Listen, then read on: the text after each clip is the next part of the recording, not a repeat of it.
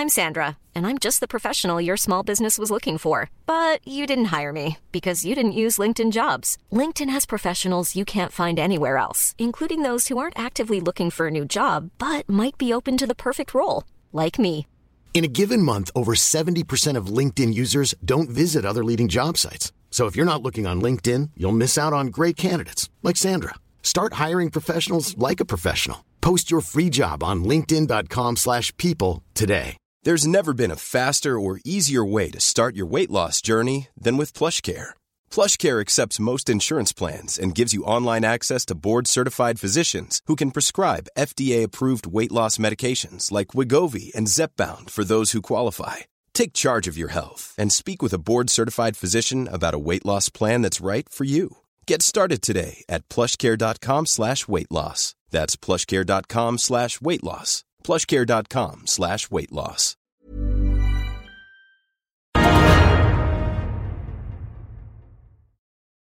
Velkommen til Økonominyhetene og vår morgensending onsdag. I dag skal vi ta dere gjennom hva som har skjedd på de asiatiske markedene. Vi skal se på oljeprisen, før vi beveger oss over til Oslo Børs og får en oppdatering på lakseprisen fra meglersjef i Fishpool, Simen Thorbekk.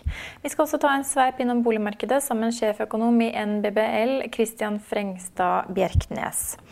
Eh, Men først skal vi innom USA-børsene, som hadde oppgang eh, tirsdag kveld. Dow Jones steg 2,2% Nasdaq endte opp 0,2% og SMP 500 steg 1,2 Det er imidlertid noe blandet stemning i Asia fra morgenen av onsdag. Japan endte Nikki 225 opp 0,8 mens den bredeste Topik steg 0,9 Hang Seng i Hongkong derimot falt tilbake 0,7% mens CSI 300 Kina endte på minus 0,5 så skal vi over til oljeprisene. Vi ser at ett fat brentolje omsettes for litt under 36 dollar fatet, men høyere priser er i vente.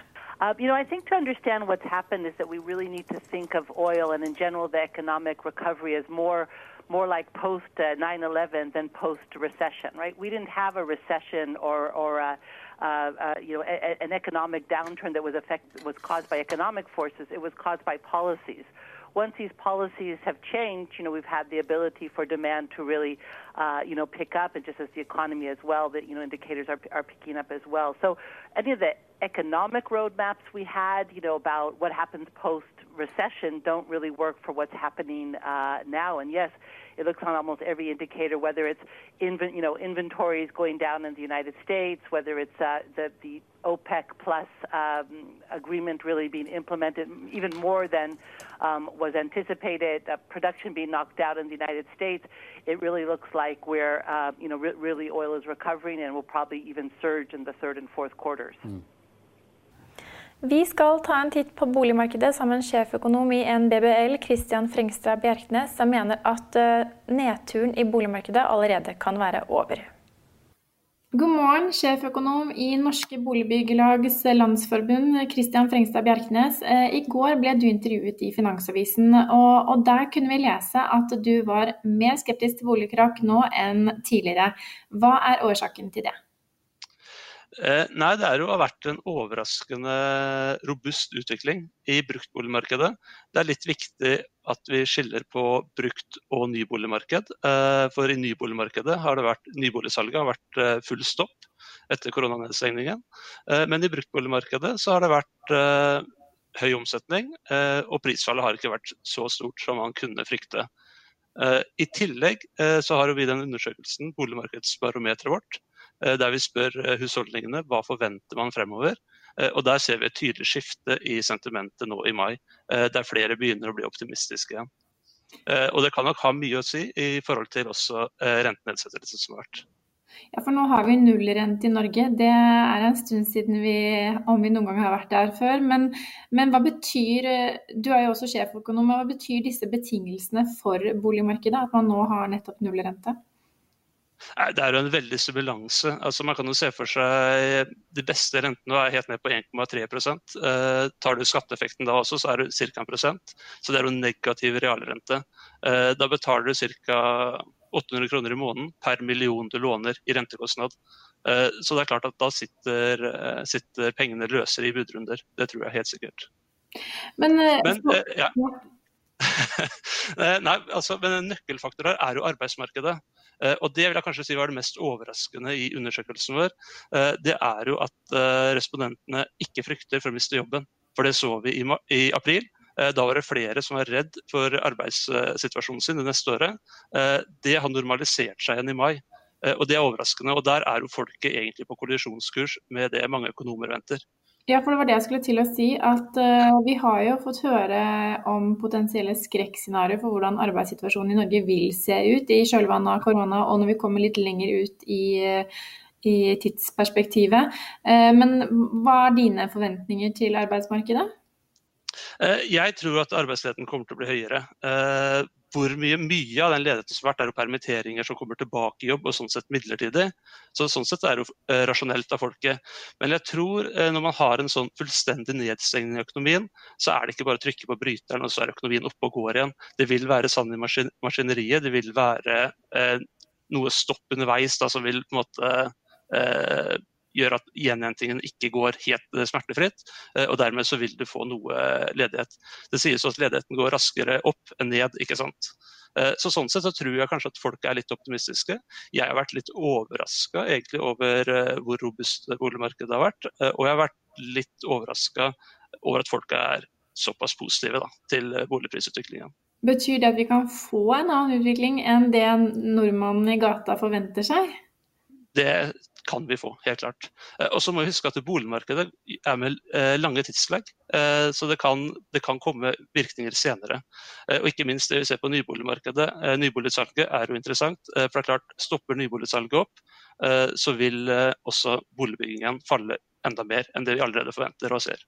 Ja, Som i tillegg kan føre til press litt lenger ut i tidsperspektivet? Ja, så, så, ja, så det, er, det, er, det å ha flere tanker i hodet samtidig. er sånn. På kort sikt så er så er det på en måte frykten for at det skal falle.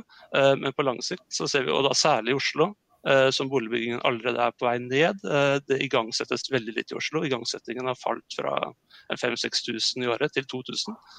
Det reguleres lite. Og nå stopper også nyboligsalget opp, så vil gi et ytterligere press ned. Da. Det kan jo gi et prispress i Oslo langt lengre frem i tid. Og det er ja.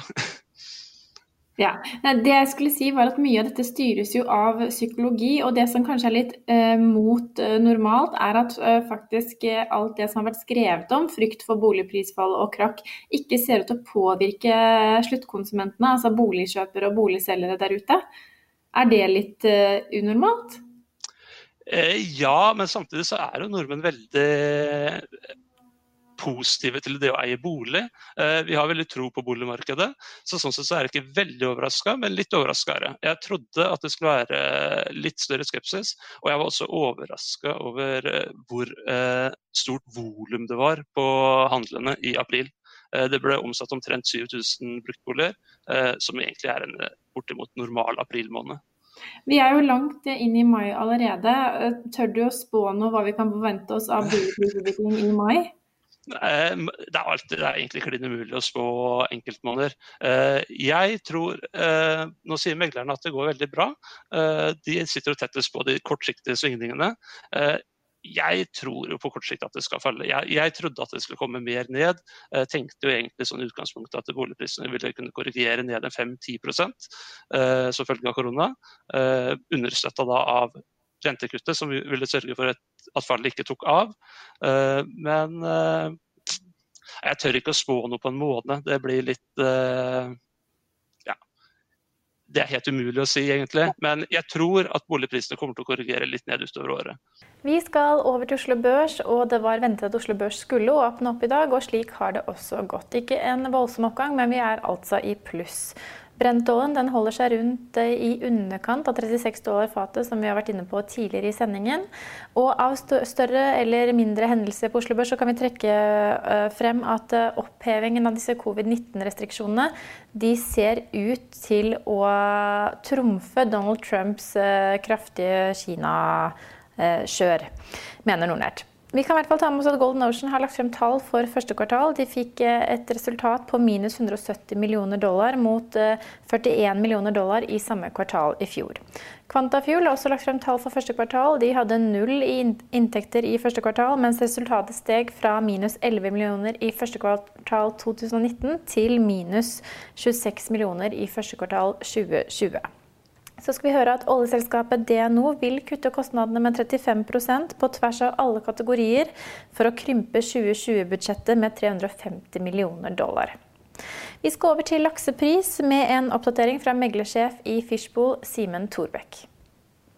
God morgen, Simen Thorbekk, eh, meglersjef i Fishbowl. I dag fikk vi eksportprisen for laks eh, forrige uke, og der eh, ble det et voldsomt hopp i prisen. Hva kan du fortelle oss om den utviklingen vi ser? Lakseprisene gjorde et byks på nesten 10 fra foregående uke. Og vi skal tilbake til mars for å se priser som, som ligner dette nivået her. Jeg tror det er litt sammensatt årsaken bak dette eh, prisrallyet. Mye skyldes nok at man er midt oppi det som kalles et generasjonsskifte på, i, på laksespråket. Det betyr at man er ferdig slaktet med den eldste slakteklare generasjonen som typisk ble satt i sjøen i uh, høst 2018, og går over nå på neste generasjon som er satt i sjøen i vår 19. Og Da er det alltid litt sånn rebalansering, ikke sant? hvor en del av den største eh, fisken, som typisk har vært eh, populær å eksportere til Nord-Amerika og Asia, og har vært vrien å eksportere til disse markedene, eh, forsvinner litt ut av, eh, ut av slaktingen. Og, og, dette presset med å få storfisken plassert i Europa, som har gitt dårlige priser, har avtatt noe. Videre så har vi også hørt fra en del av våre eksportører at det begynner å bli litt mer drive i uh, det generelle europeiske kjernemarkedet etterspørselsmessig. Henger det sammen med at vi nå ser at det er en rekke lettelser av restriksjoner som kanskje også kan være positivt for Horeka-markedet? Absolutt. Det er akkurat der essensen ligger, tror jeg. Ehm, en, en del land har sluppet opp litt på, på, disse lockdownsene. Vi ser at folk begynner å konsumere så smått litt mat ute på restauranter osv. Selv om det er i ganske små kvantum, så er det nok med på å bidra litt på den optimismen. Hvis vi også tenker at eh, forbrukerne i supermarkedene, som har hatt en voldsom volumvekst, har hatt denne veksten til tross for at prisene ikke har egentlig gavnet inn noe særlig enda, fordi det er altså typisk en sånn prislag mellom tre til seks måneder fra råstoffet blir billigere til du som forbruker får glede av det. Så, så, er det kanskje litt det også vi ser på altså retail- eller supermarkedssegmentet. At det, at det, kommer en liten reprising som kanskje kan gi et litt økt konsum av laks. da. Eh, dere omsetter jo store mengder laks eh, daglig. Eh, hva kan du fortelle oss om de, de trendene dere ser der? Nei, ehm, jeg håper å si Det er stygt å si det, men vi har hatt voldsomt uh, mye handel i, gjennom denne covid-19-situasjonen. og Det er jo uh, grunnet flere årsaker. Selvfølgelig så ser man uh, plutselig bortfallet av et stort konsumentmarked, som gjør at selgersiden naturlig nok blir litt bekymret for fremtidige inntekter. videre så har også denne situasjonen bidratt til å svekke kronen ytterligere, som gir en veldig fordelaktig eksportmekanisme, hvor man selger et NOK-produkt til euro og kjøperne får mye kjøpekraft Eh, uten at det går eh, så hardt utover kroneoppnåelsen som det ville gjort ved uendret valutakurs. Disse to tingene sett i kombinasjon gjør at det er lukrativt både for kjøper å sikre norske NOK-kontrakter og selger å selge NOK-kontrakter. Uh, utover det så, så ha, ser vi også at det handles uh, mye lenger ut i fremtiden enn det vi normalt er vant til. Hvis vi ser litt på prisene, så omsettes det ganske voksende kvantum nå for andre halvår i år på lavere priser enn vi har hatt de foregående årene, nemlig rundt 51,50. Som tyder på at man ikke føler at stormen er helt blåst over ennå. Og, og, det er fortsatt en del sikringsvilje hos de norske produsentene. Men ser vi over i første halvår 2021, så er det mulig å oppnå priser på 62-63 kroner kiloen. Altså et kraftig løft. Og, og vi, vi, ser også at folk strekker tidshorisonten ganske langt ut. Om det er for å utnytte den svake kronen eller ikke, vet jeg ikke. men det er mulig altså i dag for en, for en, norsk produsent å sikre seg vel 59 kroner for de to kommende årene.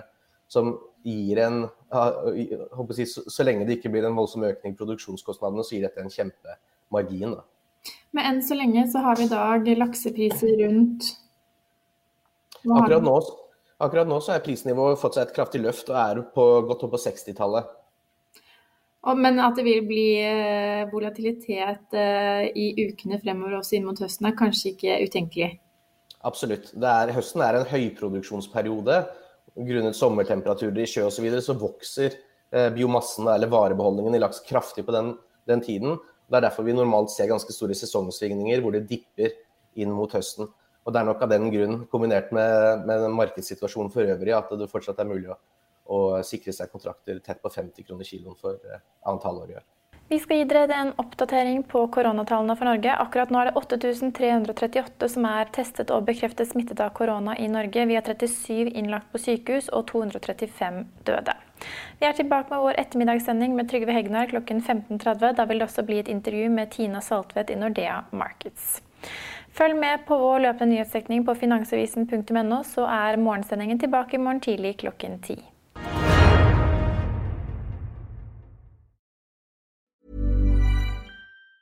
Planning for your next trip? Elevate your travel style with Quince. Quince has all the jet setting essentials you'll want for your next getaway, like European linen, premium luggage options, buttery soft Italian leather bags, and so much more. And it's all priced at 50 to 80% less than similar brands. Plus, Quince only works with factories that use safe and ethical manufacturing practices. Pack your bags with high-quality essentials you'll be wearing for vacations to come with Quince. Go to quince.com slash trip for free shipping and 365-day returns.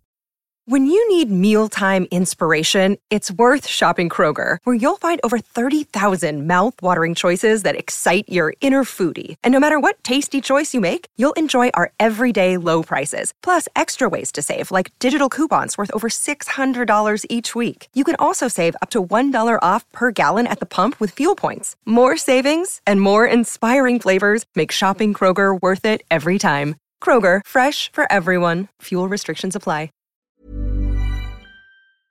Økonominyhetene er en podkast fra Finansavisen. Programledere er Marius Lorentzen, Stein Ove Haugen og Benedikte Storm Bamvik. Produsenter er Lars Brenden Skram og Bashar Johar. Og ansvarlig redaktør er Trygve Hegnar.